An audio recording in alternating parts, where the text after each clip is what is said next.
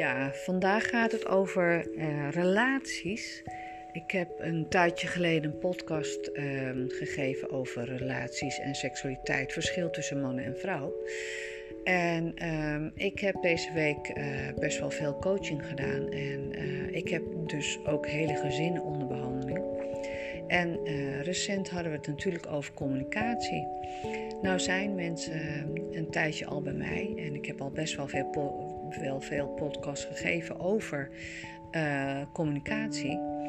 Um, maar het valt me eigenlijk op dat uh, eigenlijk mensen um, ja, eigenlijk nog steeds verwachten dat, uh, dat ze dat niet kunnen, of ze vermijden het, of ze denken ook dat de ander het in kan vullen. Um, wat wij als coaches en NLP-trainers vaak meemaken, is dat ik, nou ja, ik werk natuurlijk met het onderbewustzijn. Maar waar, waar wij heel vaak uh, minder tijd voor krijgen, is het letterlijk oefenen. En uh, een patroon in communicatie is natuurlijk echt een patroon die ingebrand is. En die heb je natuurlijk overgenomen. Um, in, de gezinnen, uh, in de gezinscoaching ga ik uh, natuurlijk het uh, patroon blootleggen. Ik weet vanuit zeg maar, de privé-sessies, wat ik dan ook met afzonderlijke leden heb, weet ik natuurlijk wel waar ze in zit en wat hun basisbehoeften zijn. Maar ja, hoe nu verder? En um, als ik al een tijdje mensen zeg maar zo opgebouwd heb dat ze ja, de strijd aan willen gaan met, uh, met hun, ja, dat noemen we hun onbewuste delen, die, die eigenlijk uh, alleen maar beschermen en ook in de communicatie, ja, merk je dat mensen enorme veel patronen hebben. Nou, wat zijn bijvoorbeeld patronen?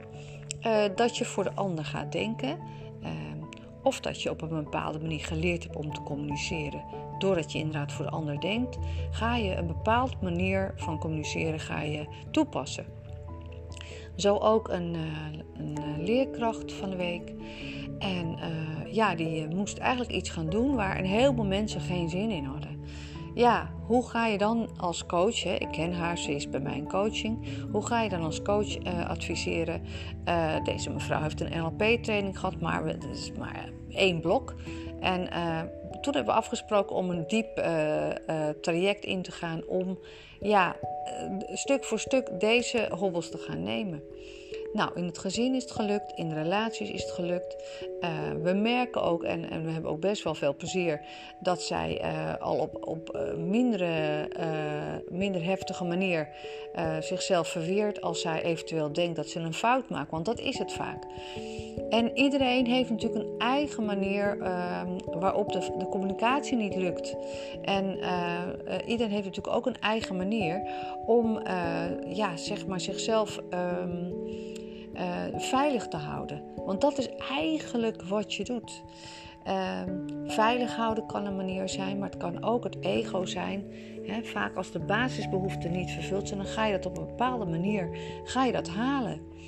En uh, je merkt ook dat dat in de, ehm, ja, dat dat in de werksituatie ook heel vaak. Als je als manager leert vanuit zeg maar, uh, onze denktechnieken en NLP-technieken. Als jij weet en leert wat jouw medewerker als basisbehoefte heeft. Dat zou bijvoorbeeld uh, respect en bewondering kunnen zijn. Dan weet je natuurlijk ook waarom die persoon op die manier communiceert. Waarom die persoon zo uh, bijvoorbeeld overwerkt. Waarom die persoon precies op die manier reageert um, waarop die reageert. Omdat ja, op het onderbewustzijn weet die persoon het niet, maar hij gaat het op die manier binnenharken. Als je dat nou van jezelf weet, het is eerst erkennen, herkennen, loslaten. Hoe ga je dan daarmee om? Nou, dan heb ik heel veel sessies uh, met mensen al gedaan. En dan denk ik als coach, nou, dat is dan toch wel duidelijk. En dat is het ook vaak wel. Uh, ik, ik, geef ze demonstratie, of uh, ja, ik, ik, ik, heb een demonstratiefilmpje, maak ik met ze. Um, we hebben de emo pincode, we hebben de ingang emotie dus eigenlijk de ingang emotie, daar bedoelen we mee. Dat, dat zij dan weten, even, ja, een stekje erin. Uh, dat zij dan weten van, goh, dat is nou de eerste emotie wat naar boven komt als bijvoorbeeld iemand het niet met me eens is. Nou, zo ook die leerkracht van de week. die moest een onderwerp, zeg maar, ja, implanteren in school, waar niet iedereen zo heel blij mee was en is. En dat gaat over het milieu. ja, het milieu, ja, dat vraagt nogal wat veranderingen, hè. En dat, ja, de scholen moeten daar natuurlijk ook in meedoen. Maar voor de andere leerkrachten is dat natuurlijk niet altijd even fijn. Want je moet extra handelingen doen, je moet nieuwe dingen leren, je moet kinderen motiveren. Plus je moet er natuurlijk zelf ook achter staan. Nou, dan hebben we al een dingetje. Dat heet natuurlijk, hè, dan komt daar dus weerstand op. Want mensen willen eigenlijk geen nieuwe dingen leren. Wij zijn best wel lui in het oude patronen. Want ook als een, eh, wij, wij als trainers komen in een organisatie ja, dan, dan alles, is, alles was en is beter. En uh, laten we het nou bij het oude houden. En dat is eigenlijk omdat de hersenen, die, die willen diezelfde paden betreden. En dat is ook veilig. Veilig en vertrouwd. En ja, waar mensen op geconditioneerd zijn, is geen fouten maken. Nou, wat hebben we nou met deze uh, cliënt van mij gedaan? Uh, ik had natuurlijk een sessie uh, uitgeschreven uh, op basis van haar uh, ja, zeg maar emotionele DNA. waar zij tegenaan liep. We hebben kunnen duiden in verband hè, met de kernanalyse hebben we duiden, kunnen duiden wat nou haar trigger is. En ja, toen moesten we de communicatie in. Nou, ehm, omdat zij zeg maar een dichtbij traject heeft, kon ik dat direct doen in de sessieduur. En uh, we zijn dus gaan oefenen. Uh, en je merkte ook dat zij natuurlijk enorm getriggerd werd op mijn communicatie. Want ik ging natuurlijk het naspelen. En uh, ja, dan wordt er natuurlijk heel vaak gezegd dat vind ik moeilijk. Uh, vaak als je filmpjes doorgeeft, uh, een opgeeft of huiswerk, hè, daar hebben mensen ook erg veel hekel aan. Vandaar dat ik zeg, joh, neem me gewoon een VIP-traject, doen wij het gewoon samen. Ja, ja, dat vinden we gewoon veel fijner. Dan zie je dat, je da dat het daarom ook eigenlijk al... ja, dan zie je ook dat de hersenen, dat de mensen gewend zijn om het samen te doen. Want ze, ja, we deden het vroeger ook zo. Nou, ik, ik ben daar flexibel in. Dus uh, wij hebben het hele patroon bekeken. Ja, toen zijn we in de oefening gegaan van goh, hoe communiceer jij nou als er weerstand is? Als nou bijvoorbeeld iemand zegt nee, ik heb daar geen zin in. Ja, dan zie je al helemaal die fysiologie, die lichaamshouding, konden we echt zien en uh, monitoren wat haar lichaam letterlijk deed. En uh, wat deed haar lichaam? Ze ging eigenlijk uh, een verstrakte blik, dat triggert mensen. Ze ging haar rug knoppen, krommen en uh, haar nek stook ze letterlijk vooruit. Ja, dan gaan natuurlijk alle alarmbellen bij de andere. Dat had zij natuurlijk niet in de gaten. Dan gaan de alarmbellen af. Dus als jij ziet hoe jij dus verbaal je gaat weren, oh, non-verbaal bedoel ik, als je onbewust je lichaamshouding verandert, dat hebben we natuurlijk gedaan. We hebben de lichaamshouding veranderd. Als je iets wil veranderen, zeg ik altijd, moet je de lichaamshouding gaan veranderen. Nou, we hebben met haar gewerkt. We hebben samen rollenspel gedaan. En we hebben de tonatie aangepakt. We hebben haar denkpatroon aangepakt.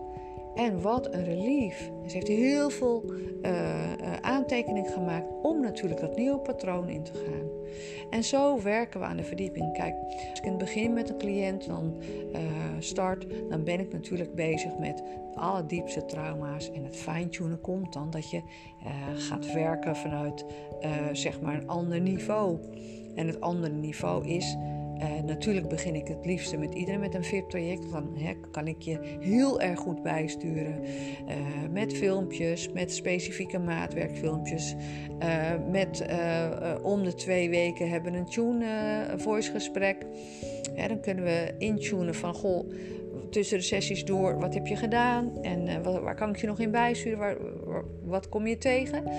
Nou, zo ook met deze cliënt en uh, nou ja, geweldig, want ze zei ja, het ging heel goed op school, in het gezin gaat het ook veel beter. Uh, het gezin weet en is uitgekristalliseerd, de communicatie, de lichaamshouding en nu de buitenwereld, hè, de werkvloer. En hoe kan ik beter communiceren? Wat komt er nou eigenlijk op? Ja, bij haar was het ja, uh, vanuit de kindertijd, vanuit, uh, dat kan twee jaar, de, deze keer was zij twee jaar, kwam op het traumamoment uit. En waarschijnlijk is dan ergens in de hersenen is een herinnering of een trigger ontstaan dat zij iets niet goed deed. En dan kan je toch niet voorstellen dat een kind die zo jong is, dat die eigenlijk dat signaleert en dat dat een pijnplek wordt ehm, in uh, zeg maar die hersenen. Hè, dat die die herinneringen uh, opbouwen. Jullie horen nu mijn hond. Balloetje. En uh, ja, die is heerlijk aan het dromen. Nou ja, we hoeven niet perfect te zijn. NLP'ers zijn nooit perfect.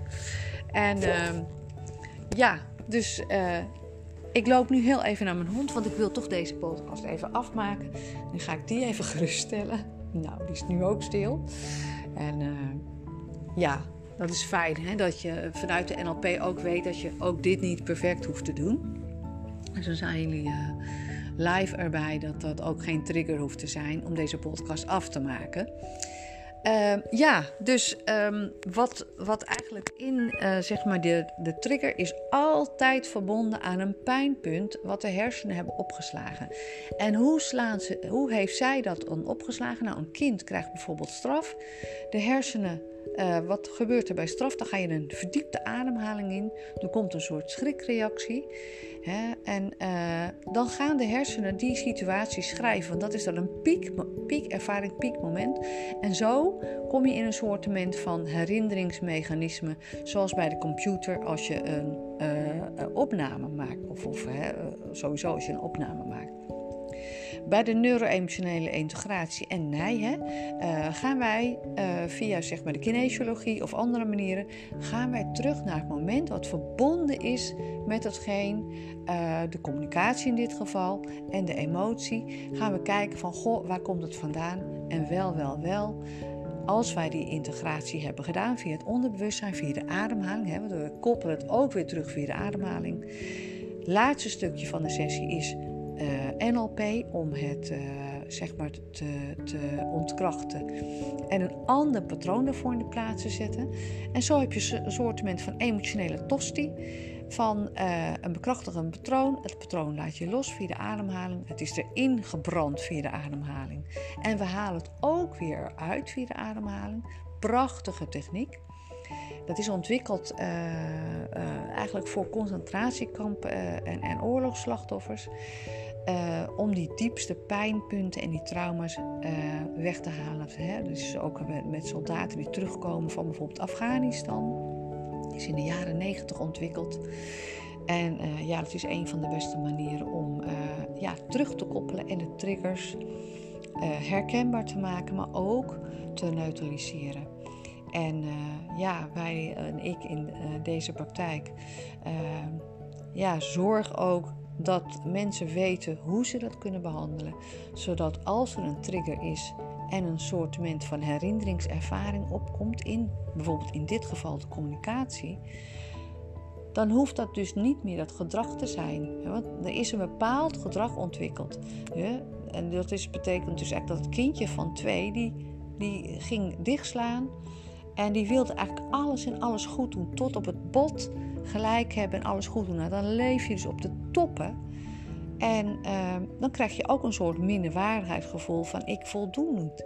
Nou, dan ga je natuurlijk als volwassene daar een bepaald patroon op toepassen. En ja, wat leer ik mensen? Minder perfect te zijn. En dat je ook fouten maakt. Want je hebt natuurlijk een, een mega box van goede dingen die je gedaan hebt. Nou, dit ging over communicatie en... Uh, dat was op de werkvloer en wij gaan natuurlijk ook altijd verder en dieper op alle onderwerpen waar jij nog uh, aan mag werken. En uh, nou, dit is dan een neuro-emotionele integratie met NIJ. We hebben heel veel toeien waaien van mogelijkheden waarmee ik natuurlijk op maat met, met mensen werk.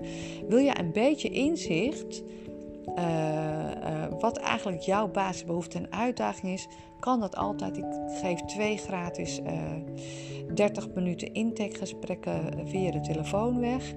En uh, aarzel niet, de website staat er. En uh, struggle niet, want communicatie kan je absoluut herkaderen. Je kan het op, uh, via het onderbewustzijn en het bewustzijn aanpakken. En ja, dan heb je natuurlijk ook dat de uitkomsten beter zijn. En dat je veel meer rust hebt en ook veel meer en beter contact hebt met de ander.